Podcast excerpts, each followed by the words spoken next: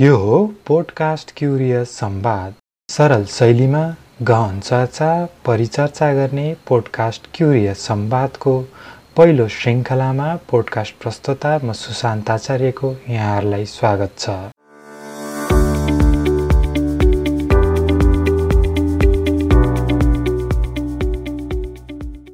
September दुई हजार बिसको पहिलो सातामा यस कार्यक्रम रेकर्ड गरिरहेका छौँ। दुई हजार बिसको सुरुवातसँगै विश्वव्यापी रूपमा फैलँदै गएको कोभिड उन्नाइसको महामारी नियन्त्रणको लागि नेपालमा पहिलो पटक लकडाउन गरेको पाँच महिना पुरा भएको छ। यसले आम मानिसको दैनिकी र जीवनशैलीलाई दिनानुदिन कष्टकर बनाउँदै लगेको छ। आम मानिसको जीवनमा मात्र एक दुई शब्दका कयौँ राजनीतिक निर्णयहरूले ठुला ठुला उथलपुथल गर्ने सामर्थ्य राख्दछ। त कयौँ राजनीतिक निर्णयले खासै प्रत्यक्ष प्रभाव नराख्न नि सक्छ। आजको संवाद श्रृङ्खलामा नेपाली राजनीतिमा सदैव नेपाल भारत सम्बन्धको चर्चा भइराख्दा पनि मूलधारमा चर्चा हुन नसकेको नेपाल भारत जनसम्बन्धको सेरोफेरोमा रहेर संवाद गर्नेछौँ। आजको हाम्रो अतिथि हुनुहुन्छ काठमाडौँ विश्वविद्यालयका राजनीतिक समाजशास्त्रका सहायक प्राध्यापक डाक्टर उद्धव प्याकुरेल। सरलाई क्युरियस संवादमा स्वागत छ। धन्यवाद। पछिल्लो समय लकडाउनबाट समग्र क्षेत्र प्रभावित छ। लकडाउनबाट सरको दैनिकीमा कतिको प्रभाव परेको छ? सरको दैनिकी कसरी बितिरहेको छ आजकल? लकडाउनदेखि कुनै पनि यो पेन्डामिकहरू अथवा कुनै पनि इभन प्राकृतिक प्रकोपहरूले दुई थरी असर हुन्छ कि? एउटा हामी जस्तो अलिकति अभिजातीय वर्गमा खासै त्यत्रो ठुलो असर हुँदैन। जस्तो मलाई अहिले पनि के छ भने मसँग सुविधाहरू छन् मलाई स्यालेरी दिन्छ मैले खासै गुमाउनु पनि के पनि हुँदैन। तर अर्को एउटा वर्ग छ जसले चाहिँ दैनिक रूपमा फिजिकल्ली काम गरेर खान पर्ने वर्गहरू छ त्यसलाई चाहिँ सबभन्दा घाटा हुने हो। त्यही भएर मलाई पर्सनल्ली भन्नुहुन्छ भने बाहिर घुम्न नपाएको खर्च गर्न नपाएको सपिङ गर्न नपाएको अलिकति टेस्ट फरक गरेर खान नपाएको जुन चाहिँ खासमा चाहिँ आवश्यक अत्यावश्यक होइन त्यो बाहेक अरू प्रकारका दैनिक लाइफमा खासै भएन साँच्ची भन्नुहुन्छ भने त अरू प्रोडक्टिभ भएको छ जस्तो घरमा बसेर लेख्ने पढ्ने कामहरू बढेको छ। यसले अहिलेसम्म चाहिँ मध्यम वर्गहरूलाई कुनै असर गरेको छैन। यसले त उल्टो तपाईँको प्रोडक्टिभिटीमा चाहिँ फाइदा पुगिरहेको रहेछ होइन अहिले गाडीमा हिँड्नु परेन अथवा अझ हुन्छ नि उच्च मध्यम वर्ग टाइपको उसमा चाहिँ पनि फरक हुन्छ जस्तो कतिले चाहिँ कोही चाहिँ कसले चाहिँ राम्रो रेस्टुरेन्ट चलाएर चाहिँ बसिरहेको थियो भनेदेखि त उसको मात्रै ह्याम्पर गरेछ नि त। होइन जसको फिजिकल्ली गर्नुपर्ने कामहरू थियो भने त उसको मात्रै ह्याम्पर गरेको छ। तर हामी चाहिँ अहिले डिजिटलाइज वर्ल्डमा वर्ल्डमा चाहिँ फिजिकल मात्रै नभइकन अरू पनि अप्सनहरू एभाइलेबल भइरहेको सन्दर्भमा चाहिँ मेरो आफ्नो पार्टिकुलर केसमा चाहिँ धेरै ह्याम्पर गरेको छैन मलाई तपाईँको केसमा त उल्टो प्रोडक्टिभिटी पनि प्लस भइराखेको। अहिले त अब डिजिटल्ली नै पढाउन मिल्ने डिजिटल्ली नै वेबिनारहरू हुने सम्मेलनहरू हुने हुँदाखेरि चाहिँ प्लस पोइन्ट नै भइराखेको रहेछ त।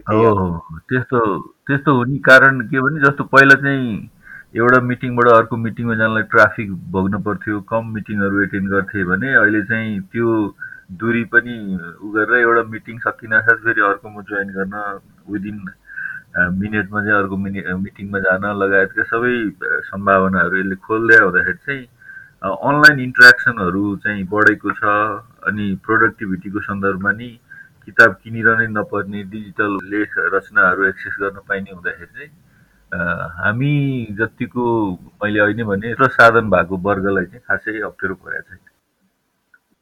तपाईँले काठमाडौँ विश्वविद्यालयमा राजनीतिक समाजशास्त्र पोलिटिकल सोसियोलोजीका विषयहरू अध्यापन गराइरहनु भएको छ। यो विषय चाहिँ कस्तो विषय हो? यसमा तपाईँ कसरी प्रवेश गर्नुभयो? कार्यक्रम सुनिरहनु भएको श्रोताहरूलाई केही भनिदिनुहोस् न। यो सोसाइटी र राजनीतिको एउटा सम्मिश्रण हो। अहिले पहिला युनिभर्सिटीहरू सुरुवाती दिनहरूमा चाहिँ एकदम क्लासिकल एप्रोचबाट आफ्ना युनिभर्सिटीमा पढाउने विषयहरू चाहिँ निर्धारण गर्थे जस्तो department of sociology department of political science भनेर एकदम त्यो एउटा कुनै जमाना थियो। तर र त्यसको इभन रिसर्च मेथडको हिसाबले पनि अलिक फरक तरिकाले हेर्ने पोलिटिकल साइन्सले चाहिँ अलिकति थ्योरिटिकल अलिकति पोलिटिक्सका थ्योरीहरूको मात्रै डिल गर्ने सोसियोलोजीले चाहिँ पोलिटिक्स बाहेकको सोसाइटीको कुरा गर्ने भन्ने टाइपले गइरहेको अवस्था थियो भनेदेखि बिस्तारै त्यसमा पनि विभिन्न लिमिटेसनहरू देखियो कि। जस्तो थ्योरी मात्रै डिल गरेर त पोलिटिक्स डिल हुँदैन सोसाइटी अर्को रियालिटी हो। अनि सोसल फिनोमिननहरूलाई पोलिटिक्सले डिटरमाइन गरिरहने सन्दर्भमा चाहिँ सोसाइटी चाहिँ छुट्टै हो यसलाई पोलिटिकल साइन्सको आँखाले हेर्न हुँदैन भनेर पनि त्यो पनि अपुरो हुन्छ। यिनै यिनै लिमिटेसनका बिचमा चाहिँ पछिल्लो हाम्रो ऊ हेर्नुहुन्छ भनेदेखि चाहिँ अब चाहिँ धेरै कुराहरू चाहिँ मल्टिडिसिप्लिनरी हुनसक्छ। त्यो सबै आँखाले सबै कुरालाई नहेरिकन कम्प्रिहेन्सिभ रूपमा नहेरिकन कुनै पनि विधा चाहिँ पूर्ण हुँदैन भन्ने सन्दर्भमा चाहिँ अब यो पोलिटिकल सोसियोलोजी भन्ने विधा चाहिँ आएको हो। अब त्यसमा चाहिँ अब म एउटा सोसल एनिमल भएको सन्दर्भमा सोसाइटीका आयामहरूको बारेमा त केही न केही बेसिक नलेजहरू हुन्छ। आफैले डे टु डे प्र्याक्टिसनर पनि हो हामी सोसाइटीको सन्दर्भमा त। किन भन्दा सोसियोलोजी भने चाहिँ वेब अफ सोसल रिलेसन्स भनेपछि सोसाइटीका विभिन्न आयामहरूसँग इन्ट्रेक्सन गर्नुपर्ने हुन्छ र त्यो मध्ये एउटा आयाम पोलिटिकल आयाम पनि हो। त्यहाँ गाउँको पोलिटिक्स कसरी चलिरहेछ लिडरसिप कसरी डेभलप भइरहेछ भोटिङ प्याटर्न के छ यी सबै कुरामा त हामी जेसुकै भए पनि पोलिटिकल सोसल साइन्सको विद्यार्थी नहुँदाखेरि पनि इन्गेज भइरहने सन्दर्भमा चाहिँ त्यो चाहिँ आफ्नो दैनिकी दिनन्दिनी भित्रै पर्ने आयाम हो। बिस्तारै त्यसलाई चाहिँ थ्योरिटिकल फ्लेभरहरू दिने सन्दर्भमा अलिकति अलिकति थ्योरिटिकल समझ राख्ने सन्दर्भमा चाहिँ ए यो दुइटा त सँगै जानुपर्ने विषय रहेछ भन्ने लागेर नै मैले चाहिँ आफैले आफैलाई चाहिँ एउटा पोलिटिकल सोसियोलोजीको विद्यार्थी हुँ भनेर भन्ने गरेको र त्यसमा चाहिँ मेरो फेरि अब डिग्रीहरूले नि हेल्प गर्यो मैले चाहिँ पोलिटिकल ल पछि पोलिटिकल साइन्स भर्ना गर्दै थिएँ। त्यसपछि सोसियोलोजीको एउटा अलिकति प्रभाव समाजमा अलिकति बेग्लै परि क्रेज भनौँ अझ प्रभाव भन्दा नि आकाङ्क्षा बढ्दै गएको देखेपछि मैले सोसियोलोजीमा डिग्री गरेँ पहिला पछि पोलिटिकल साइन्समा पनि गरेर दुइटै डिग्रीलाई सँगै लाने सन्दर्भमा पनि प्रयास गरेको हुँदा चाहिँ मलाई आफूलाई त्यस प्रकारले आइडेन्टिफाई गर्न सहिलो भयो। कुनै पनि विषय चाहिँ अब एउटा आँखाले हेर्न सकिँदैन जस्तै पोलिटिकल सोसियोलोजी नै भन्दै गर्दाखेरि पनि सोसल इकोनोमिक्सका एङ्गलहरू पनि हामीले मजाले हेर्न सकिन्छ। इकोनोमी इकोनोमीलाई सोसाइटीले कसरी इम्प्याक्ट गरिरहेछ त्यो पनि हेर्नुपर्ने बाध्यता हुन्छ। त्यही भएर त्यो त्यसैमा लिमिटेड होइन कि त्योभन्दा पनि ब्रोडर उसमा चाहिँ कम्प्रिहेन्सिभ रूपमा आफूलाई काबिल गर्न र कुनै पनि रिसर्च गरेर ती एस्पेक्टहरूलाई नि सँगै लिएर जान सक्ने बनाउनलाई चाहिँ आफूले अलिकति आफ्नो दायरा चाहिँ म पोलिटिकल साइन्सको मान्छे होइन कि म सोसियोलोजीको मान्छे होइन कि म इकोनोमिक्सको मान्छे होइन कि भनेर चाहिँ एक प्रकारले आफूलाई आइसोलेसनमा राख्नुभन्दा पनि म हुँ किन भन्दा यो चाहिँ मेरो जीवनको अथवा मेरो रिसर्चका एउटा कम्प्रिहेन्सिभ डिल गर्दाखेरिको चाहिँ एउटा प्याकेजमा आउने प्रोग्रामहरू हुन् भन्ने तरिकाले चाहिँ जानुपर्छ जस्तो लागेको सन्दर्भमा चाहिँ। मैले आफूलाई त्यसरी आइडेन्टिफाई गरेर त्यही प्रकारको सिलेबसहरू पनि बनाएर पढाउने प्रयास गरिरहेको छु। त्यही हो मेरो चाहिँ अहिलेको आधार यो बहुआयामिक विषय भयो। यसले मानिसको जीवनमा राजनीतिले कतिको प्रभाव पारिरहेको छ?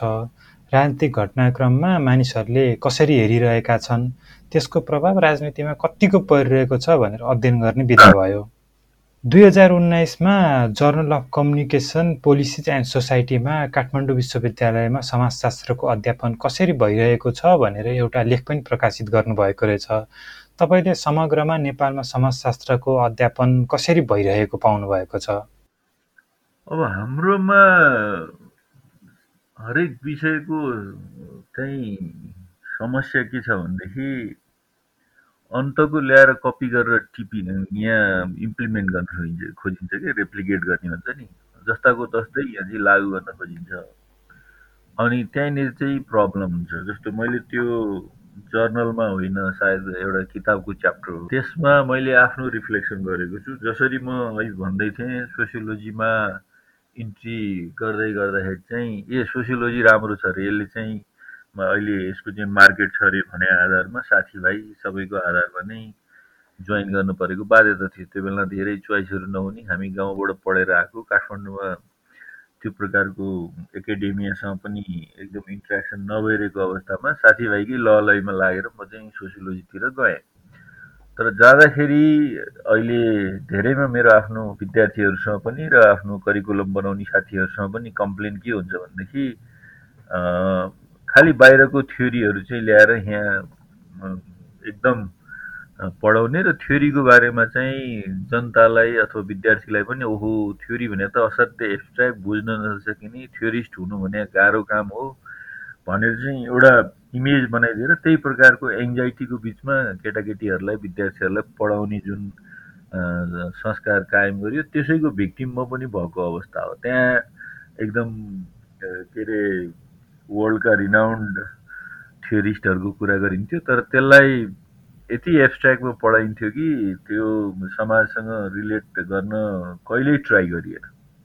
त्यो सोसियोलोजीमा मात्रै होइन पोलिटिकल साइन्समा मात्रै होइन हाम्रो नेपाली विषयमा इभन अरू धेरै कुरामा चाहिँ हाम्रो चाहिँ समस्याहरू छन् जस्तो तपाईँलाई म एउटा उदाहरण दिन्छु जस्तो मुना मदन भनेको नपढाए मान्छे खा खासै छैन होला सबैले मुना मदनको यो मुना र मदनका कथाहरू प्रेमका कुराहरू सबै कण्ठ गर्छन् तर त्यसको सोसाइटीसँगको लिङ्कलाई कहिल्यै व्याख्या गर्ने प्रयास हाम्रो नेपाली लिट्रेचरले पनि गरेको छैन। जस्तो त्यसको चाहिँ डाइरेक्ट रिलेसन चाहिँ तपाईँ हेर्नुहुन्छ भने यो नेपाल र काठमाडौँ र त्यो बेलाको तिब्बतसँगको लासासँगको रिलेसन चाहिँ पोलिटिकल रिलेसन त्यो बेलाको अरू इकोनोमिक रिलेसन त्यो बेलाको इभन सोसल रिलेसनको कुरा चाहिँ काठमाडौँको नेवारहरू जो चाहिँ उहाँ व्यापारी घराना थिए र उहाँ के अरे दासाका त्यो बेलाको भोट भन्ने हुँदाखेरि भोटिनी भनेर भन्ने चलन थियो त्यो बेला। अहिले त्यो त्यसलाई राम्रो मानिँदैन। उहाँहरू बिचको भोटको भोटे र भोटिनी अनि यताको नेवारहरूको बिचको सम्बन्धको कुरा चाहिँ त्यसमा व्याख्या गरिएको कुरा त्यो त्यो सन्दर्भमा लेखिएको कुरा हो। त्यो न नगरिकन हामीले चाहिँ खालि त्यो त्यसको त्यो त्यहाँभित्रको स्पिरिटलाई मात्रै उजागर गर्दाखेरि चाहिँ जसरी एक प्रकारले जुन प्रकारको नलेज त्यसले दिन खोजेको थियो मुना मदनले त्यसले त्यो पनि नदिएर खालि प्रेमको अथवा त्यही पनि त्योभित्रको नि कतिपय एक्स्ट्रा कुराहरूको समाजमा कुरा कुराकानी हुन्छ। त्यस्तै थ्योरीहरूको सन्दर्भमा पनि हेबमास पढिन्छ मार्क्स पढिन्छ लेनिन पढिन्छ प्लेटो पढिन्छ एरिस्टोटल पढिन्छ अब यता पोस्ट मोडर्निजममा गएपछि डेरिडा पढिन्छ माइकल फुको पढिन्छ तर यस्तो सुपरफिसियल तरिकाले पढाइन्छ कि अब एकातिर सुपरफिसियल लाग्यो मलाई पछि तर एब्सट्र्याक्टमा के तर उसलाई चाहिँ विद्यार्थीलाई चाहिँ यो त यस्तो यसमा चाहिँ जो पाए त्यसले चाहिँ यसमा राम्रो गर्न सक्दैन भन्ने तरिकाको एङ्जाइटी सहित पढाइने उसको चाहिँ भिक्टिम भएको सन्दर्भ मैले त्यहाँ उल्लेख गरेको छु। अहिले मैले भने जस्तै हाम्रोमा चाहिँ हरेक करिकुलाको चाहिँ प्रब्लम हाम्रो टिचिङ मेथडको प्रब्लम चाहिँ हामीले कन्टेक्स्ट सँग रिलेट गर्दैनौँ खालि थ्योरी मात्रै पढाउँछौँ। डेमोक्रेसीको कुरा गर्नुहोस् अथवा पोस्ट मोडर्निजमको कुरा गर्नुहोस् क्यापिटलिजमको कुरा गर्नुहोस् अथवा कुनै पनि कुरा चाहिँ हाम्रोमा आइपुग्दाखेरि हाम्रो कन्टेक्स्ट सँग रिलेट नगरेको कारणले चाहिँ total replica is not possible त्यही भएर हाम्रो चाहिँ यहाँ जब रेप्लिकेसन गर्न खोजिन्छ त्यसपछि फेल भएको सन्दर्भ हो भन्ने चाहिँ मेरो बुझाइ छ। त्यही कुरा मैले त्यहाँ उल्लेख गरेँ।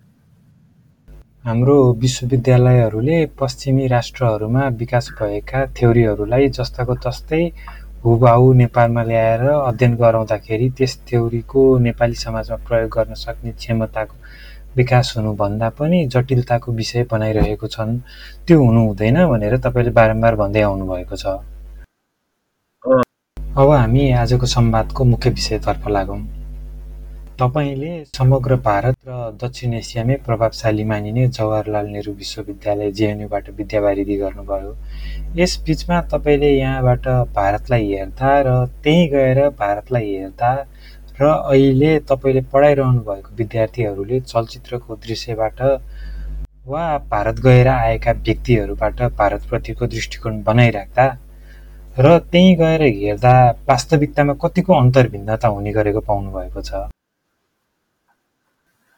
अब नेपाल र भारतको कुरा त जेएनयु जानु पर्दैन खासमा त कुनै युनिभर्सिटी गएर हेर्न अहिले व्यक्तिगत आफ्नो जीवनमा हेर्दाखेरि चाहिँ अब तपाईँ पहिला नेपालै बसेर हेर्दा र अब जेएनयु गएर जेएनयुबाट भारतको चाहिँ अब भारत कस्तो छ भनेर बुझ्दाखेरि चाहिँ भारतै भित्रबाट भारतलाई देख्दाखेरि चाहिँ कतिको फरक पाउनुभयो भन्न खोजेको?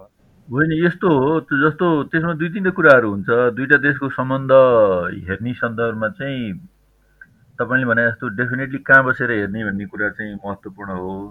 एउटा जस्तो काठमाडौँ मात्रै बसेर अथवा नुवाकोटमा जन्मेको मान्छेले नुवाकोटबाट भारतलाई हेर्दै गर्दाखेरिको अवस्था। अर्को अलिकति नेपाल घुमिसकेर बोर्डरिङ एरियाहरू पनि घुमेर त्यहाँका अहिले भने जस्तै सामाजिक र राजनीतिक आयाम बुझिसकेपछि हेर्ने अवस्था। र अर्को चाहिँ फेरि दिल्लीमा गएर काठमाडौँ नेपाललाई नेपाल भारतलाई हेर्ने अवस्था। दिल्लीमा गएर नेपाल भारतलाई हेर्ने अवस्था र काठमाडौँ बसेर नेपाल भारतलाई हेर्ने अवस्थामा खासै फरक छैन। फरक चाहिँ यो मामलामा चाहिँ थियो अलि अगाडिसम्म कि हामी पढुन्जेलसम्म चाहिँ हामी त्यहाँ हुन्जेलसम्म चाहिँ भारतीयहरूको नेपालीप्रतिको दृष्टिकोण चाहिँ असाध्यै सकारात्मक थियो जबकि नेपालमा अलिकति त्योभन्दा फरक दृष्टिकोण थियो अलि अगाडिसम्म चाहिँ। हामी जसरी भारतलाई हेर्थ्यौँ तर भारतका जनताले मैले राज्यको कुरा गरेको छैन। जनताले हेर्ने दृष्टिकोण चाहिँ हामी त्यहाँ हुन्जेलसम्म र अलि केही समय अगाडिसम्म चाहिँ असाध्यै पोजिटिभ थियो नेपालको सन्दर्भमा। नेपालले त्यो बेलामा इभन भारतको झन्डा भारतको नक्सालाई पनि नेपालको केही समूहले चाहिँ अलिकति अलि गलत आँखाले हेर्दै गर्दाखेरि पनि हामीले त्यो बेलामा दिल्लीमा रहँदाखेरि र समग्र भारतमा नेपालीहरूसँग पनि कुरा गर्दाखेरि चाहिँ खासमा भारतीय जनताको तर्फबाट त्यो बेला रियाक्सन हुने अवस्था आइसकेको थिएन किन भन्दा उनीहरू चाहिँ नेपाल चाहिँ हाम्रो छिमेकमा रहेको राम्रो मित्र हो भन्ने जनस्तरमा चाहिँ थियो त्यो बेला। तर भलै दिल्ली र काठमाडौँको सम्बन्धको कुरा गर्नुहुन्छ भने यो अहिलेको कुरा होइन। वर्षौँदेखि राणाहरू जब आए राणाहरू आउनुभन्दा अगाडि शाहहरू नै हुँदाखेरिदेखि पनि तपाईँको हेर्नुहुन्छ भनेदेखि लभ र हेटको रिलेसन हो स्टेट स्टेटको रिलेसनहरू हुन्छ।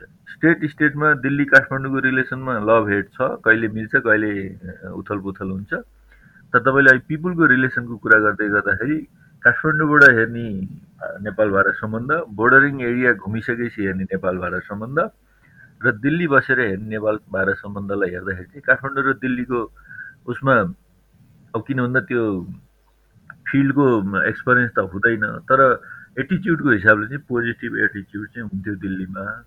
तर अब त्यसले गर्दाखेरि चाहिँ कतिपय बिग्रिन लागेका सम्बन्धहरू पनि छिटो सुध्रिने किन भन्दा जनताको स्तरको प्रेसर हुने त्यो प्रकारका सम्भावनाहरू चाहिँ हिजो प्रचुर मात्रामा देखिन्थ्यो। र अब अहिले चाहिँ मलाई लाग्छ केही वर्षदेखि चाहिँ त्यो उल्टो भएर गएको छ। नेपालमा चाहिँ त्यो काठमाडौँबाट भारतलाई हेर्ने दृष्टिकोण चाहिँ पहिलाको जस्तै छ। हामी एकदम अपर्चुनिस्ट उसमा। कहिलेकाहीँ भारतले सबै कुरा दिनुपर्छ भनेर कुरा गर्छौँ। कहिले भारत नभए पनि हामी चल्छौँ भनेर कुरा गर्छौँ। त्यो डिलेमामा हामी छौँ।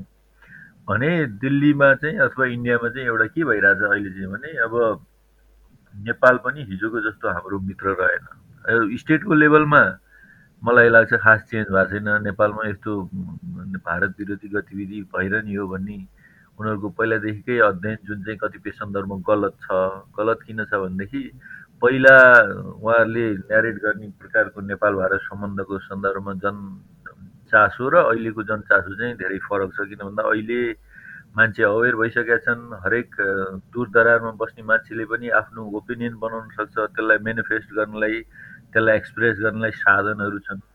जबकि पहिला चाहिँ काठमाडौँका अथवा जिल्लामा पनि एक दुईजना चारजना मान्छेले चाहिँ त्यो डिस्कोर्सलाई क्रिएट गर्थे भन्दाखेरि अहिले त्यो डाइनामिक्सलाई चाहिँ दिल्लीले इग्नोर गरिरहेको छ सरकारको लेभलमा हेर्दाखेरि तर पिपुलको लेभलमा हेर्दाखेरि चाहिँ भारततर्फ चाहिँ अब नेपालप्रति चाहिँ बढी नेगेटिभ भावनाहरू चाहिँ बढेर गएको छ। त्यसले गर्दाखेरि चाहिँ भोलि नेपाल भारत सम्बन्धको सन्दर्भमा काठमाडौँ र दिल्लीले कतिपय उथल पुथल ल्याए भने कतिपय सम्बन्धहरू बिगार्ने प्रकारको काम गरे भने पनि पिपुलको लेभलबाट जुन चाहिँ रिकभरीको लागि मद्दत हुन्थ्यो पहिलाको सन्दर्भमा त्यो चाहिँ अलिक कम सम्भावनाहरू देखेर गएको छु। किन भन्दा दुई नै तर्फको पिपुलमा चाहिँ नेगेटिभ एटिच्युडहरू बढ्दो छ। नेपालमा अलि पहिलादेखि थियो भने भारतमा चाहिँ पछिल्लोचोटि बढेर गएको छ भन्ने चाहिँ मेरो अहिले पछिल्लो समय चाहिँ जनस्तरको सम्बन्ध चाहिँ बिग्रेको छ राज्य राज्यको सम्बन्ध चाहिँ लगभग पहिला जस्तो थियो त्यस्तै छ। कहिले रा सकारात्मक हुने कहिले एउटा द्वन्द्वात्मक भावनाहरू एउटा घृणाको भावनाहरू जागृत हुने एउटा सरकार सरकार बिचको राज्य राज्य बिचको बुझाइ थियो। अहिले पछिल्लो समय चाहिँ जनता जनता बिचकोमा चाहिँ सम्बन्धमा चाहिँ भारतको तर्फ भारतीयहरूमा पनि नेपालप्रति चाहिँ अलिकति वितृष्णा जागेको छ। अब यिनीहरूले चाहिँ हामीहरूमाथि चाहिँ धेरै अवसरवादी भए यिनीहरू भन्ने हिसाबले चाहिँ भएको छ भनेर तपाईँले भन्न खोज्नु भएको होइन अहिले? हो जनस्तरमा सम्बन्ध चाहिँ अब बिग्रेर जान थालेको चाहिँ देखिन्छ। भारतमा जाने नेपालीहरूको सङ्ख्या ठुलो छ। भारतमा मजदुरी गर्न पढ्न जानेदेखि सांस्कृतिक परम्पराहरूले भारतमा आउजाउ गर्ने नेपालीहरूको सङ्ख्या अति नै ठुलो छ। उनीहरूले भारतमा रहँदाखेरि आफूलाई कस्तो महसुस गर्ने गरेको तपाईँले देख्नुभएको छ? भारतमा अहिले जागृत हुँदै गरेको यो एक प्रकारको घृणाको भावनाले यसले उनीहरूलाई कतिको असर पर्न सक्छ? त्यो डिस्कोर्सहरू बेला बेला यसरी फैलिन्छ कि? त्यो त्यसको भिक्टिम नेपालीहरू गजबले हुन्छन्। जस्तो तपाईँको के छ नेपालका भारतमा बस्नेहरूको अवस्था भने यो काठमाडौँले नबुझ्ने धेरैले बुझ्दैन काठमाडौँमा। जस्तो म चाहिँ दुइटै देशको उस्तै हो कि? जसरी बिहारका युपीका मान्छेहरू काठमाडौँ आएर आफूलाई नेपाली नै हुँ म रौतहटको हुँ अथवा म सर्लाहीको हुँ भनेर आइडेन्टिफाई गर्न खोज्छ। त्यस्तै भारतमा पनि हामी पहिलोचोटि म इन्डिया जाँदाखेरि एउटा अनुभव एउटा ढाबामा चाहिँ अठारजना कामदार रहेछन् अनि एकदम चाहिँ हामी एक घन्टा डेढ घन्टा बसेर चाहिँ कुरा गर्दै गर्दाखेरि चाहिँ कसैले नेपालीमा बोल्दैन। जब इभेन्चुअली पत्ता लाग्यो कि अठार मध्ये ओनर बङ्गाली बाहेक सत्रजना नेपाली रहेछन्।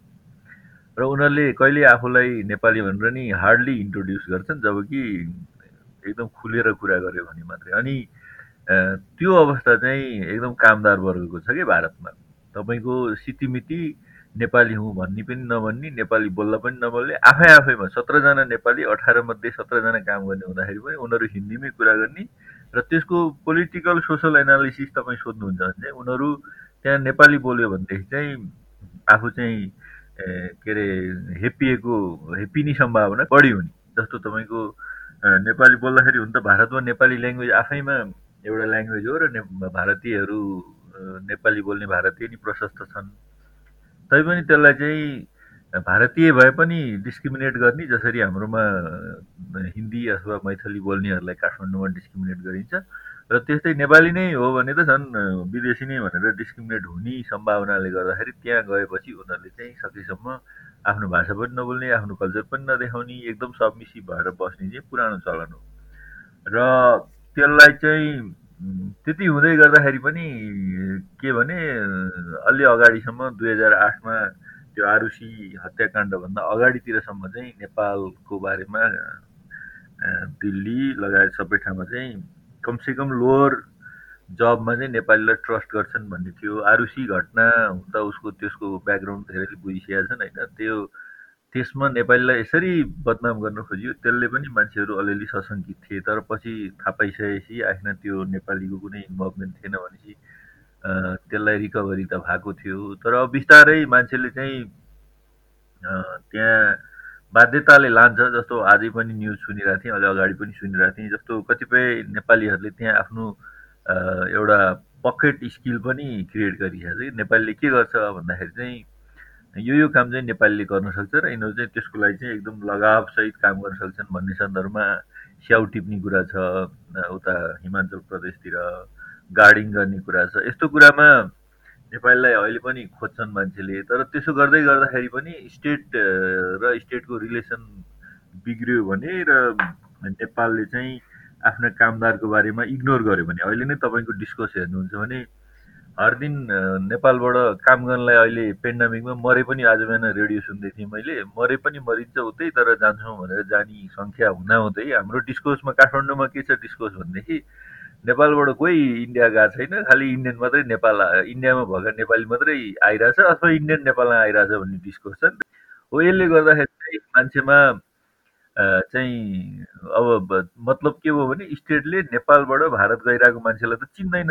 स्टेटले नै नचिनेपछि स्टेट अभिभावक भएको सन्दर्भमा उसले नचिनेपछि त त्यहाँ जतिसुकै बदतमिजी भए पनि त्यहाँ ऊ नेपालीहरू लुटिए पनि स्टेटले त केही गर्दैन। उसले त अब इग्नोर गर्छ। जब आफ्नो देशले नै कसैलाई चाहिँ उपेक्षा गर्छ भनेदेखि त अरूले त डेफिनेटली उपेक्षा गर्ने लुट्ने ठग्ने बदतमिजी गर्ने कामहरू चाहिँ बढ्ने सम्भावना चाहिँ त स्वाभाविकै हो।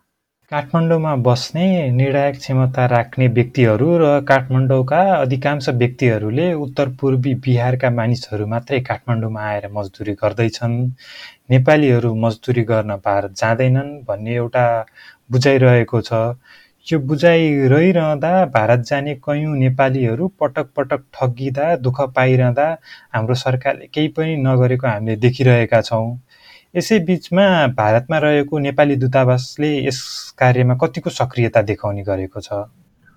बिजोग थियो। कुनै बेला हामी जतिखेर उसमा गएको थियौँ त्यो बेला त डेमोक्रेसी पनि अलि आइसकेको थिएन। अहिले अब कति सुधार भएको छ अब म त फर्केर आइहालेँ। त्यो बेलामा त्यत्रो नेपालीहरूलाई डिल गर्ने राजदूतावासमा कर्मचारीहरू पनि कमै हुन्थे। र भएका कर्मचारी मध्ये नि जस्तो अब सबभन्दा पहिला आउनासाथ फेस गर्न पर्ने एउटा कामदारले फेस गर्ने ठाउँमा नै इन्डियन दुईजनालाई राखिएको थियो जतिखेर म त्यहाँ थिएँ। अनि अब इन्डियन दुईजना जो चाहिँ हिन्दीमा बोल्छ उसले नेपाली बुझ्दैन त्यसले चाहिँ नेपालका यत्र अहिले तपाईँ हामीले भने जस्तै त्यहाँ गएर चाहिँ काम गरेर राम्रो हिन्दी पनि भर्खर गाले त राम्रो हिन्दी बोल्न पनि जान्ने भएन। त्यहाँमाथि इन्डियन देखेपछि साइकोलोजिकली उसको देशको इन्डियन भनेर डराउनु पर्ने भयो। ऊ चाहिँ सहायताको लागि नेपाल आउँदाखेरि त के छ बाबु नानी भनेर राम्रो नेपाली बोल्ने मान्छे राख्न सट्टा इन्डियनहरूलाई चाहिँ रिसेप्सनमा राखेर जुन नाटक गरिएको थियो त्यो बेला हामीले त त्यो बेलामै प्रोटेस्ट गरेर यो चाहिँ तुरुन्त चेन्ज गर्नु पऱ्यो यस्तो भएन भन्ने कुराहरू गरेका थियौँ। अब हाम्रो स्टेटको मेकानिजम कस्तो छ तपाईँले सोधिहाल्दाखेरि चाहिँ भने अब पछिल्लो चरणमा केही सुधारहरू पनि भएका छन् जस्तो हामीले यी आवाजहरू उठाइरहँदाखेरि र कतिपय डेमोक्रेटिक र अलि वाइज एम्बेसडरहरू जस्तो दिप कुमार उपाध्याय लगायतका मान्छेहरू जाँदाखेरि केही चेन्ज भयो होला भन्ने मलाई लाग्ने हो। तर हेर्नुहुन्छ भनेदेखि आफू त्यो प्रकारको जनशक्ति दिन नसकेको सन्दर्भमा चाहिँ सबैलाई डिल गर्न नसक्दाखेरि चाहिँ कसरी चाहिँ त्यहाँ जाने दिल्ली हुँदै अथवा दिल्ली अथवा इन्डियाको लागि जाने मन्त्री सचिव ठुला बडा माननीयहरूलाई चाहिँ चाकडी गर्ने र त्यति गर्दाखेरि चाहिँ उनीहरूको सेवा र सुविधाको लागि चाहिँ होल एम्बेसीको म्यान पावर खट्न पर्ने अवस्था हुँदाखेरि चाहिँ अनि कमनर जो चाहिँ लेबरको रूपमा गएको छ उसको रूपमा गएको छ उसलाई चाहिँ सकेसम्म इन्टरटेनै नगर्ने भावना चाहिँ पहिला थियो। त्यसमा केही चेन्ज भयो होला भन्ने चाहिँ मलाई लाग्छ। र हाम्रो स्टेटको तर ठुलो चेन्ज भए पनि किन लाग्दैन भने हाम्रो स्टेटको माइन्ड सेट नै त्यस्तै छ। अहिले मैले कुरा गरिहालेँ नेपाली मान्छे जो चाहिँ अब राज्यले चाहिँ ब्यान गरेको कारणले उसले विभिन्न टिकदम अप्नाएर कतार अथवा मलेसिया अथवा दुबई अथवा कुवेत पुगेर काम गरेर फेरि पैसा त नेपालमै पठाएर आउँछ। उसको हरेक ट्र्याक रेकर्डले नेपाल पैसा आइरहेछ र नेपालको रेमिटान्सले चाहिँ नेपालको जिडिपी लगायत सबैमा कन्ट्रिब्युसन गरिरहेछ भने तिनलाई चाहिँ आफूले फेसिलिटेट नगरेको कारणले उनले अप्नाएको तिक्दमको आधारमा चाहिँ तिमी नेपाली नेसनल होइनौ भनेर जसरी व्यवहार गरिराखेका हुन्छ त्यही भारतमा पनि अब लिगल ऊ छैन होइन।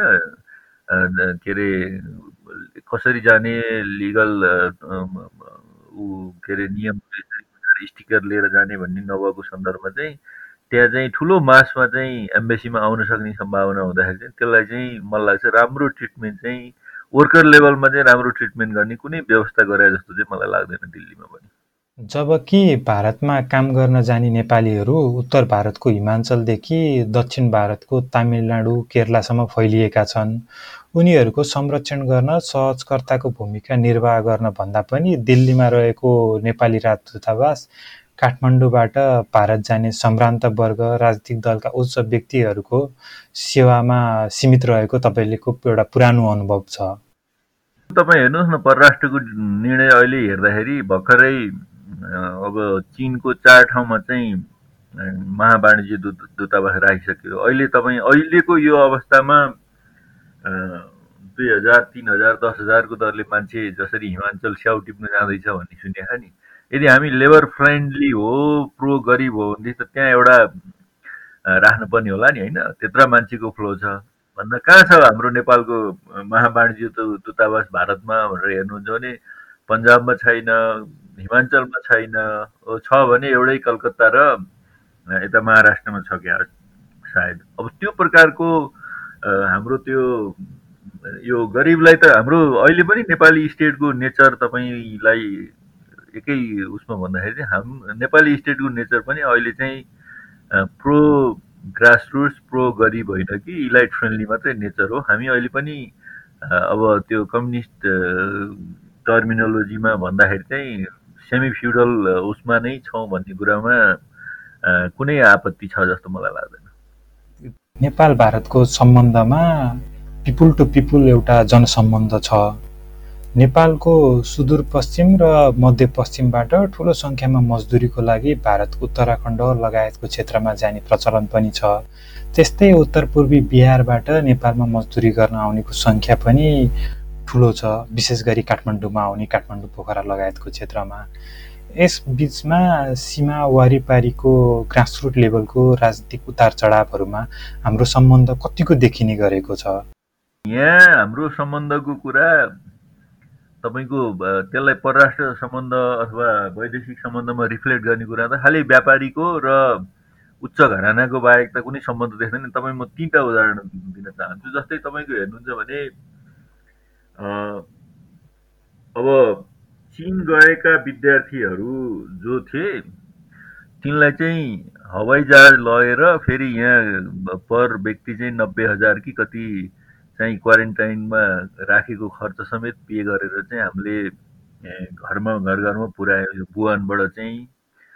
तर त्यहीँ भारतपट्टि गएको मान्छेहरूलाई के गर्यौँ तपाईँलाई थाहा छ? बोर्डरमा रोकेर उनीहरूलाई नदी त्यता पश्चिमको काली नदीमा हम्फाल्न बाध्य बनाएर होइन त्यो प्रकारको बदतमिजीहरू देख्दाखेरि तपाईँले अहिले मैले भनेकै कुराहरू हो जस्तो अहिले नै चिनमा त्यत्र वाणिज्य दूतावासहरू राख्नु पनि जस्तो तपाईँको अहिले के अरे के को लागि राखिन्छ भन्दा व्यापारको लागि। केही व्यापारी छन् केही ठुलाबडाका छोराछोरी पढ्न जान थालेका छन् त्यही भएर चाहिँ ती तिनीहरूको वेलफेयरको लागि हामीले त्यो राख्नुपर्छ भन्ने कन्सेप्टबाट आएको त होला। त्यसो हो भनेदेखि त यदि सबैलाई इक्वल ट्रिटमेन्ट गर्ने हो त अहिले मैले भनिहालेँ भारतका राज्य राज्यमा चाहिँ त्यो प्रकारको सेवाहरू उपलब्ध गराउनु पर्ने अवस्था थियो। तर हामीले कहिले पनि त्यसलाई चाहिँ प्रायोरिटीमा दिएनौँ। र त्यसमा अलिकति एउटा तपाईँ अब अब बोर्डर नजिकको बासिन्दा पनि भएको हुँदा कसरी हेर्नुहुन्छ? त्यसमा बरु भारत अलिकति सेन्सिटिभ हो कि जस्तो कसरी लाग्छ भने जस्तो भूकम्प गइरहँदाखेरि मान्छेले भारतीयहरूमा नि एउटा कमजोर पक्ष चाहिँ के छ भने उनीहरूले खालि नेपाली लेबरहरू भारतमा काम गर्छन् र भारतीय को पनि छैन जस्तो चाहिँ फुर्ती चाहिँ लगाइरहेको हुन्छ। उनीहरूको राइटिङमा हामी जहिलेसुकै त्यो बारेमा चाहिँ भारतीयसँग के भन्छौँ भने तिम्रो जति नेपाली लेबरहरू भारतमा काम गर्छन् उही प्रोपोर्सनमा नभए पनि त्योभन्दा खासै कम साइजमा होइन होला। ठुलो साइजमा चाहिँ भारतीयहरू पनि नेपालमा काम गर्छन् है लेबरको रूपमा। तर you have to count them तर तिमीहरूको पनि त्यो इलाइट एटिच्युड अलिकति फ्युडल एटिच्युडले चाहिँ उनीहरूलाई काउन्ट नगर्दाखेरि तिनीहरूको दैनन्दिनी काठमाडौँमा कसरी बितिरहेको छ त्यसलाई काउन्ट नगर्दाखेरि चाहिँ तिमीहरूले त्यो देखा मात्रै हो। तर प्रोपोर्सनमा हेर्नु हेर्ने हो भने भारतीयहरू पनि ठुलो सङ्ख्यामा नेपालमा काम गर्छन् भनेर हामी आर्ग्यु गर्छौँ। त्यही सन्दर्भमा मैले अलिकति सेन्सिटिभ चाहिँ कहाँनिर देखायो भने त्यति भनेर इग्नोर गर्दै गर्दाखेरि पनि नेपालमा भुइँचालो जाँदाखेरि चाहिँ युपी र बिहार गभर्मेन्टले सयौँ बसहरू चाहिँ पठाएर चाहिँ काठमाडौँबाट मान्छेहरू चाहिँ लिएर गएको थियो कि? पनि उनीहरूले जनताप्रतिको संवेदनशीलता चाहिँ त्यहाँ देखिया छ। उताबाट आउँदा सामान लिएर तिरपाल लिएर आ जस्तो गरेर यताबाट जाँदा सबै उसका आफ्नो मान्छेहरू लिएर गएको चाहिँ प्रत्यक्षदर्शी तपाईँ हेटौँडाको मान्छे पनि हुँदाखेरि देख्नुभयो होला। मैले नि यता गल्छीबाट जसरी लाइन लगाएर गाडीहरू गएको देखाएको थिएँ। त्यो एउटा छ तर हाम्रोमा त हेर्नुहोस् त अहिले पनि सबभन्दा अहिले कोरोना नेपालमा फैलिएको ब्लेम चाहिँ नेपाली भारतबाट आएका नेपालीहरूलाई दिएर बसिरहेका छौँ कि हामी। जबकि उनलाई के बाध्य पारियो भनेदेखि उनीहरू खुरुखुरु घर आउनु पाएको भए यो सम्भावना यो प्रकारको कोरोनाको सम्भावना हुन्थ्यो हुँदैन होला भनेर अहिलेसम्म पनि स्टेटले चाहिँ एनालिसिस गरेको छैन। जबकि ऊ चाहिँ कोरोना फ्री थियो होला तर जसरी उसलाई बोर्डरमा रोकियो रोकेपछि त्यहाँ पाँच सयजना भए हजारजना भए उनीहरू जुलुस गर्न बाध्य भए जुलुस गर्दाखेरि पुलिस धरपकड भयो त्यसले गर्दा भागाभाग हुनु पर्यो एउटाले अर्कालाई रोग सार्ने सम्भावना बढेर गएको कुराहरू यी सबै कुराहरू एनालिसिस गर्नु पर्दैन। त्यो त्यो कुरा नगरिकन अहिले पनि भारतबाट चाहिँ रोगै लिएर आएका छन् नेपालीहरू भन्ने जुन प्रकारको संवेदनहीनता काठमाडौँले देखाउँछ त्यसलाई त तपाईँले हेर्दाखेरि एउटा कुरा हो। तर पोलिटिकल डिस्कोर्सको सन्दर्भमा चाहिँ अब के हुन्छ भने गरिबलाई पोलिटिक्सको खासै मतलब हुँदैन हेर्नुहोस्। गरिब तपाईँको हेर्नुहुन्छ भने नेपालका गरिबहरू दिल्लीमा रहेका चण्डीगढमा रहेका बम्बईमा रहेका धनी मात्रै होइन गरिब गरिब अझ धेरैले चाहिँ उनीहरूलाई आइडेन्टिटी कार्ड चाहिन्छ उनीहरूलाई आधार कार्ड चाहिन्छ। त्यही भएर सय पचास पाँच सय घुस दिएर त्यहाँ पनि आधार कार्ड बनाएछन् भोटर लिस्ट बनाएछन् भोट आफ्नो ठाउँमा हाल्छन्। त्यो प्रकारको त्यो नेसनल एजेन्डाले खासै प्रिभेल गर्दैन। तपाईँलाई एउटा कुरा बताइरहने हो भनेदेखि जस्तो नेपालीहरू चाहिँ भारतमा चाहिँ धेरै जसो बिजेपीलाई भोट हाल्दो रहेछ। कम्युनिस्टै भए पनि बिजेपीलाई हाल्ने किन भन्दा कम्युनिस्ट चाहिँ कम्युनिस्ट यहाँको कम्युनिस्टलाई भोट हालिरहेलाई चाहिँ काङ्ग्रेस उताको काङ्ग्रेस र यताको काङ्ग्रेस उस्तै लाग्ने त्यो भएर कम्युनिस्ट बिजेपीलाई हाल्ने किन भन्दा कम्युनिस्ट पार्टी धेरै ठाउँमा नदेखिने। अर्को यो यहाँका काङ्ग्रेसलाई भोट हालेका राप्रपालाई भोट हालेकाहरूलाई अनि अर्को फेरि हिन्दुत्वको कुरा गर्ने हुँदाखेरि धेरै आइडियोलोजिकल कमिटमेन्ट नभएहरू पनि बिजेपीलाई भोट हाल्ने त्यो प्रकारको एउटा ऊ देखिन्छ जबकि हाम्रो नेपालको राष्ट्रिय एजेन्डा त बिजेपीलाई जिताउने भन्ने नहुन सक्छ नि त। त्यो हुँदाखेरि त्यस्तै अब भारतबाट नि नेपालमा कतिपयले त्यसरी म्यानुपुलेट गरेर नागरिकता लिएका केसहरू हुन्छन् होला। त तिनीहरू डेफिनेटली मधेसी भएको कारणले मधेसी उठ्यो भने मधेसीलाई भोट हाल्ने एउटा कुरा होला किन भन्दा ल्याङ्ग्वेज मिल्छ कल्चर मिल्छ। तर त्यसरी एजेन्डा नै बोकेर चाहिँ एउटा गरिब चाहिँ कुनै देशको सीमा काटेर त्यहाँ चाहिँ रोजीरोटीको लागि चाहिँ गएको गरिबले चाहिँ पोलिटिकल एजेन्डा बोकेर अगाडि बढ्छ भन्ने कुरा चाहिँ म चाहिँ त्यति विश्वास गर्दिनँ। तपाईँले अघि भर्खरै पनि भन्नुभयो नेपालबाट भारतमा गएर भोटर कार्ड बनाएकाहरूमध्ये अधिकांशले भारतमा बिजेपीलाई भोट हाल्दा रहेछन् भनेर। मैले अलि अगाडि नेपालसँग सीमा जोडिएको बिहारको निर्वाचनलाई हेरेको थिएँ।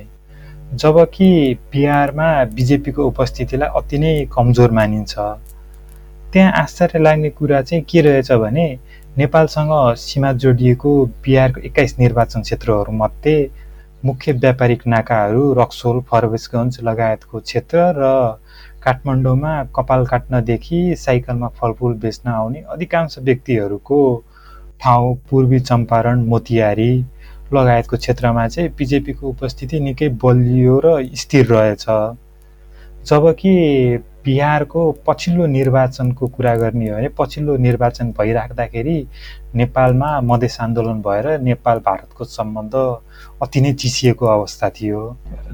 नेपालले के खोज्छ के गर्छ भनेर राम्रोसँग थाहा भएका नेपालीहरूसँग घुलमिल हुन सिकेका भारतका बिहारी नागरिकहरूले पनि बिहार गएर बिजेपीलाई नै मतदान गरेको देखियो। यसलाई चाहिँ कसरी विश्लेषण गर्न सकिन्छ?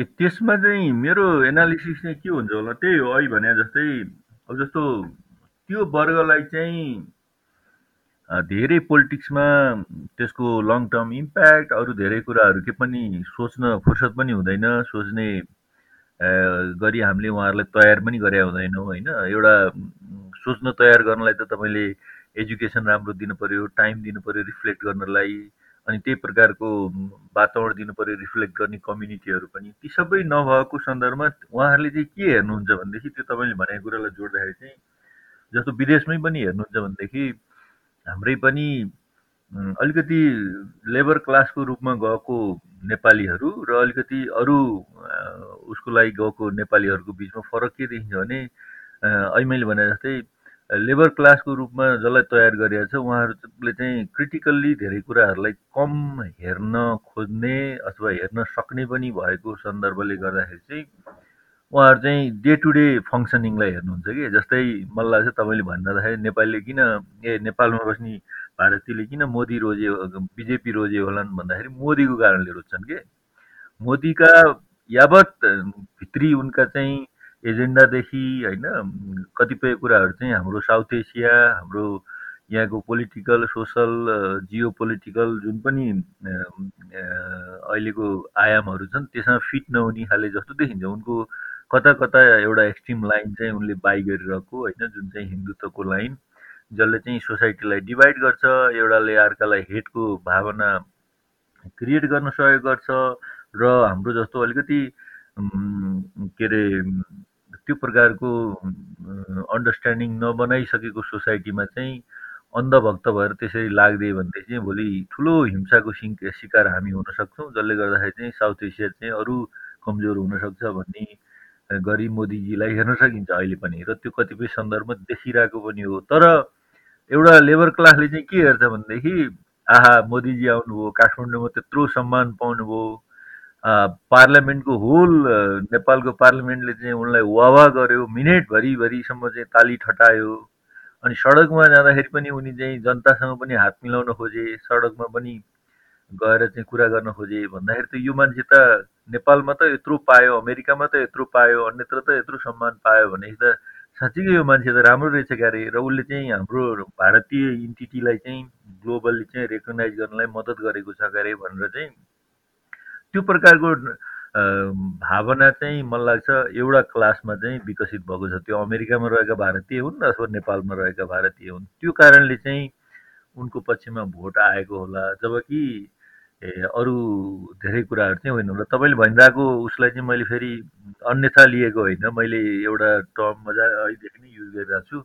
सबैमा सोच्ने शक्ति बराबर हुन्छ एउटा जुनसुकै क्लासमा पनि। म मैले जसरी सोचिरहेको हुन्छु एउटा लेबर गर्ने मान्छेले पनि त्यत्तिकै पर्फेक्टली सोच्न सक्छ। तर टाइमको कुरा हो नि त। मलाई चाहिँ दिनभरि नै त सोच पढ र त्यसकै बारेमा मात्रै इन्गेज हो भनिराखेको हुन्छ भने अर्कोलाई चाहिँ दिनभरि लेबर गर्न जतिखेर चाहिँ काम कसरी सघाउने भन्ने सन्दर्भ हुन्छ बेलुका आएपछि थकाइ निधाउनुपर्छ भन्दा उसलाई त्यो क्रिटिकल थिङ्किङको लागि टाइमै नदिएको सन्दर्भमा चाहिँ अलिकति लेबर क्लासका मान्छेहरू चाहिँ यस्तो सन्दर्भमा चाहिँ धेरै सोच्न भन्दा पनि त्यहाँ अफ द कफ रियाक्सन के ग्लोबली के भइरहेछ। त्यसरी काठमाडौँले नै मोदीको दुईवटा भ्रमणलाई चाहिँ एक प्रकारले वेलकम गर्यो एक्नोलेज गर्यो। त्यसको चाहिँ प्रभाव चाहिँ त एउटा भारतीयमा यहाँ बसिरहेको यसो कमसेकम मोदी आउँदाखेरि त न्युज स्युज पनि हेरेको र मान्छेले भन्दा वाह मोदी भनेर सडकमा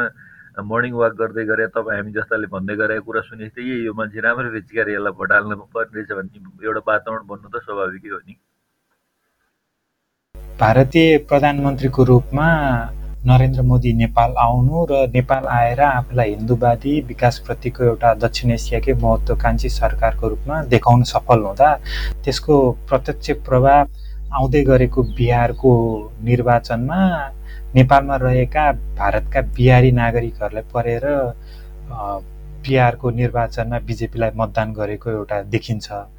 त्यस्तै बिहार उत्तराखण्ड लगायतका क्षेत्रमा भएका राजनीतिक घटनाक्रमले सीमावारीको नेपालको भूभागमा हुने राजनीतिक घटना निर्वाचन लगायतका कार्यहरूमा कतिको प्रभाव पर्ने गरेको देख्नु भएको छ त्यो त भइहाल्छ नि जस्तो तपाईँको हेर्नुहुन्छ भने अहिलेसम्म पनि एउटा कुरा फ्याक्ट के हो भनेदेखि हाम्रो नेपालमा लोकतन्त्र र अर्को प्रकारको तन्त्र भनौँ न लोक अलिकति प्रजातन्त्र र अप्रजातान्त्रिक चरित्रबिचको सङ्घर्ष त लामो समयदेखि चलिरहेछ र त्यसमा चाहिँ प्रजातन्त्रको सन्दर्भमा चाहिँ भारतको भूमि चाहिँ हाम्रा नेपालका राजनैतिक दलहरू सबैले प्रयोग गरेका हुन्।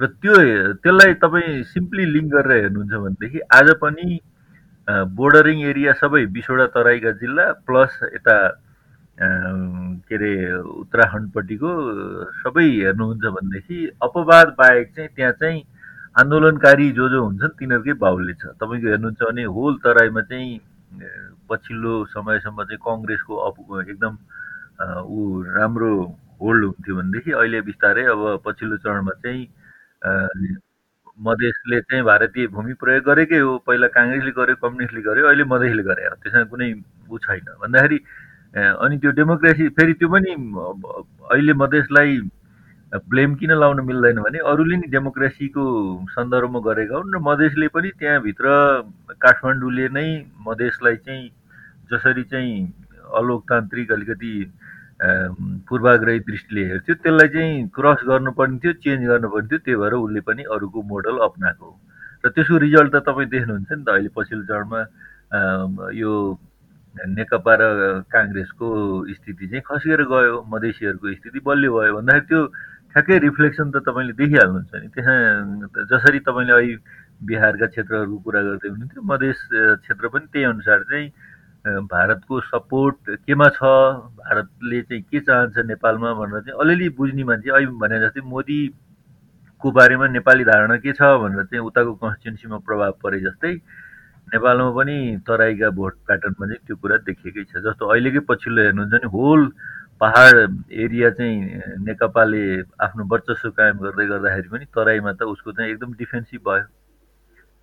जति पनि नेपाल भारतको सीमाको चर्चा गरिरहँदा मलाई एउटा आश्चर्य लाग्ने कुरा चाहिँ के छ भने हाम्रो भारतसँग सीमा जोडिएको पूर्व पश्चिम र दक्षिणमा छ।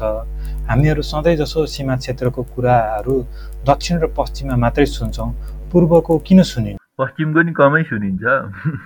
पश्चिमको पनि कमै सुनिन्छ तर महाकाली वारिपारी कुरा बेला बेलामा यस्तो छ तपाईँको नेपालको राष्ट्रवाद चाहिँ अलिकति यो उता वेस्टर्न उसले भने हेर्ने हो भनेदेखि अलिकति रेसिजम पनि हो कि?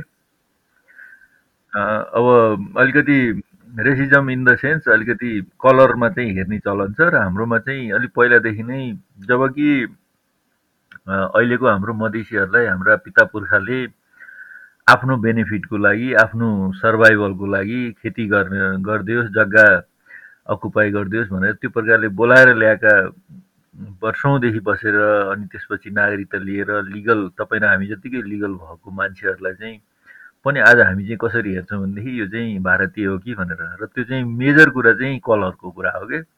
उसको भाषा रहन सहन पनि छ तर रङ हेरेर चाहिँ गरिन्छ र त्यो पूर्वतिर चाहिँ के छ भनेदेखि फेरि पूर्वको इतिहास हेर्नुहुन्छ भनेदेखि पृथ्वीनारायण शाहले नै र उनका बहादुर शाह लगायतले जसरी एकीकरणको प्रयास गरे पछि भीमसेन थापा त्यो बेलामा चाहिँ पूर्वले एकदम रेसिस्ट गर्थ्यो र पूर्वका नेपालीहरू चाहिँ यस्ता थिए कि शक्ति आर्जन चाहिँ भारतपट्टि गएर गर्ने अनि गोर्खाहरूसँग लड्न चाहिँ यता आएर लड्ने फेरि हारियो भने फेरि उता जाने। त्यसरी गर्दाखेरि चाहिँ यता इस्टपट्टि चाहिँ तपाईँ हेर्नुहुन्छ भने सिलाङमा पनि थुप्रो कम्युनिटी थियो एट्टी सिक्स अस्तिसम्म नाइन्टिन एट्टी सिक्ससम्म।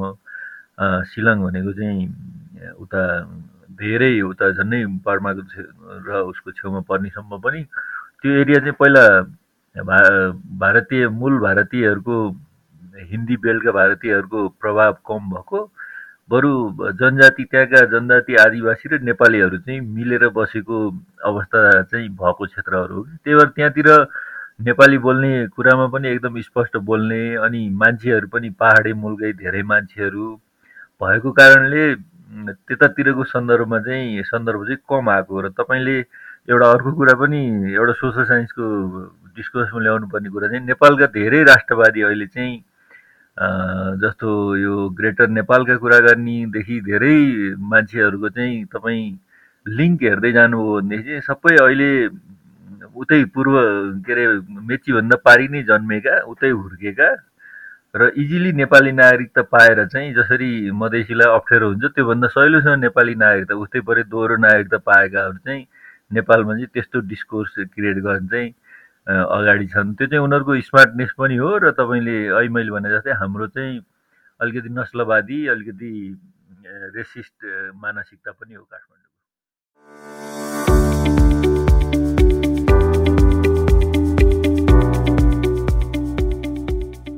खुल्ला सिमाना र साझा संस्कृतिको बीचमा रहेको नेपाल भारतको जनसम्बन्ध निकै विशाल र बहुआयामिक छन्। मूलधारको राजनीति र प्राज्ञिक क्षेत्रमै अध्ययन हुन बाँकी जिज्ञासापूर्ण विषयहरू यहाँ प्रशस्तै छन्। बदलिँदै गएको भारतमा भोलिको दिनमा नेपाली मजदुरहरूको सहजता र कठिनाई कस्तो रहनेछ? गोर्खा भर्ती भनेको के हो? त्यसले नेपाली समाजमा पारेको प्रभाव कस्तो छ? नेपाल भारतको सीमा क्षेत्रमा हुने प्राकृतिक प्रकोप र त्यहाँको बजारको अवस्था कस्तो छ?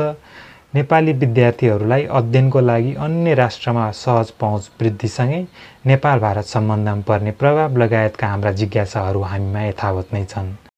आजको संवाद श्रृङ्खलामा नेपाल भारत सीमा क्षेत्रका केही राजनैतिक प्रभाव हाम्रा परराष्ट्र नीतिहरूमा समावेश हुन नसकेका वैदेशिक रोजगारीका लागि भारत गएका वा भारतबाट आएकाहरूको चर्चा राजनैतिक समाजशास्त्रको अध्ययन लगायतका विषयहरूमा चर्चा गऱ्यौँ। आगामी अङ्कहरूमा हाम्रा यस्ता जिज्ञासाहरूमाथि गहन सम्वाद गर्नेछौँ।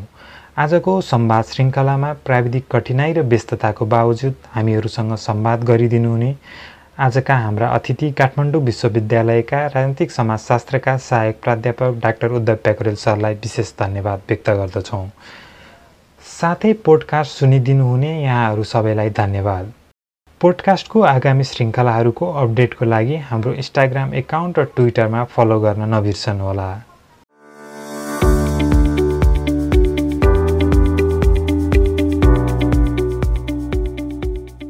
यो हो पोडकास्ट क्युरियस संवाद